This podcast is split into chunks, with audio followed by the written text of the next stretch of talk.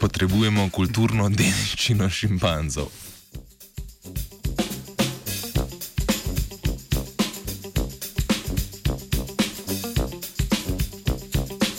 Že nekaj let je znano, da ljudje pospešujemo podnebne spremembe.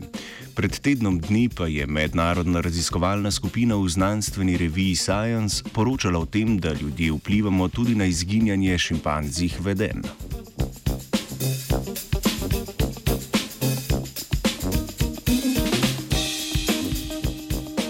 Pred 20 leti so raziskovalke in raziskovalci prvič v znanstveni objavi poročali o šimpanzih kulturah, torej o različnih načinih, kako skupine šimpanzov nekaj počnejo.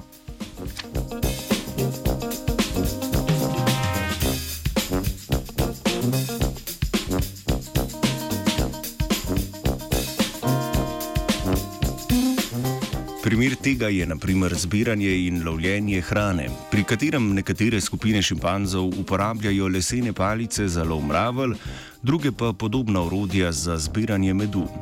Do danes so raziskovalke in raziskovalci opisali veliko različnih veden. Ta vedenja se ustvarjajo z inovacijami, prenašajo pa z različnimi načini socialnega učenja.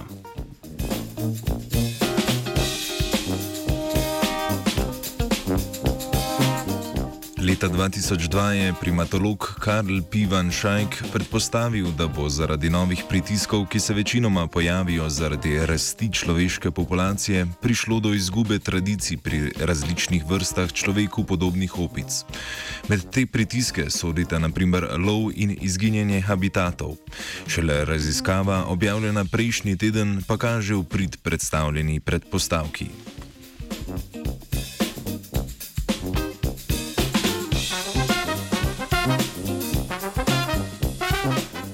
Raziskovalna skupina je zbrala podatke o vedenju kar 144 različnih skupnih šimpanzov.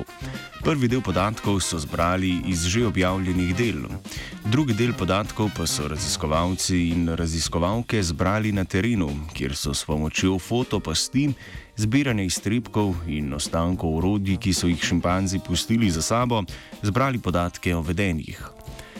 Da bi ovrednotili vpliv človeka v posameznih habitatih, so kot mero uporabili tako imenovani človeški odtis Human Footprint. To je geografska spremenljivka, ki kvantificira celostni vpliv ljudi na okolje. Pri njenem izračunu raziskovalci upoštevajo razvitost infrastrukture, gostoto poseljenosti, poraslost preučenega območja z gozdom in njegovo nedostopnost za človeka v izbranem hektarju.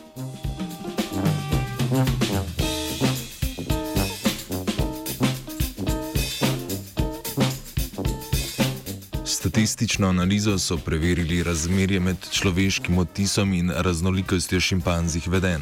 Ugotovili so, da je v šimpanzih skupinah, ki se nahajajo v okoljih z višjo stopnjo človeškega odtisa, povprečna verjetnost pojavljanja raznolikih veden kar 88 odstotkov nižja v primerjavi s skupinami, pri katerih je človeški odtis najnižji.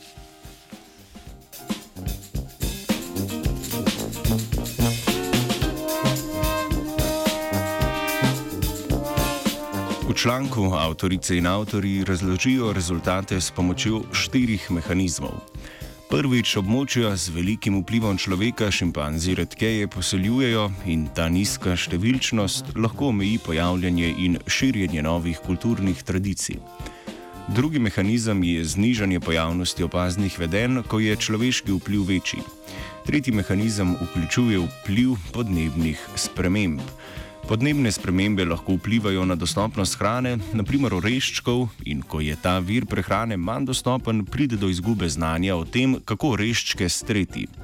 Četrtič, degradacija habitatov in izguba virov znižata nosilnost okolja, to je število posameznic in posameznikov neke vrste, ki v danem okolju še lahko preživi, pri čemer se posledično zmanjša tudi možnost za socialno učenje. Raziskovalna skupina zaključi, da se razlog za izgubo vedenske raznolikosti znotraj populacije šimpanzov verjetno skriva v kombinaciji vseh omenjenih mehanizmov, ki so povezani s stabilnim okoljem, demografijo in populacijsko povezanostjo.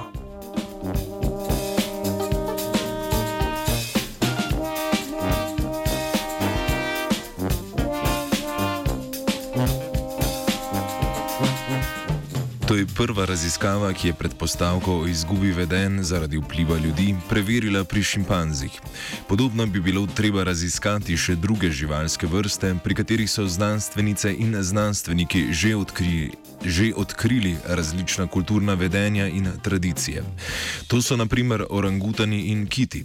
Pri tem je treba povdariti, da ko izgubljamo živalske vrste, ne izgubljamo le genetske in populacijske raznolikosti, ampak tudi vedensko. Seveda pa se nekatere skupine živali uspešno prilagodijo na vse nove pritiske in izumijo nova vedenja. A še vseeno je treba raziskati, kako hitre so vedenske prilagoditve in v kakšnem razmerju so z genetsko klimatsko in ekološko variacijo.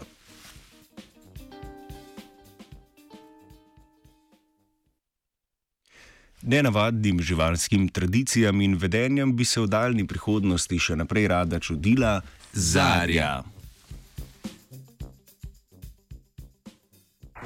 Three.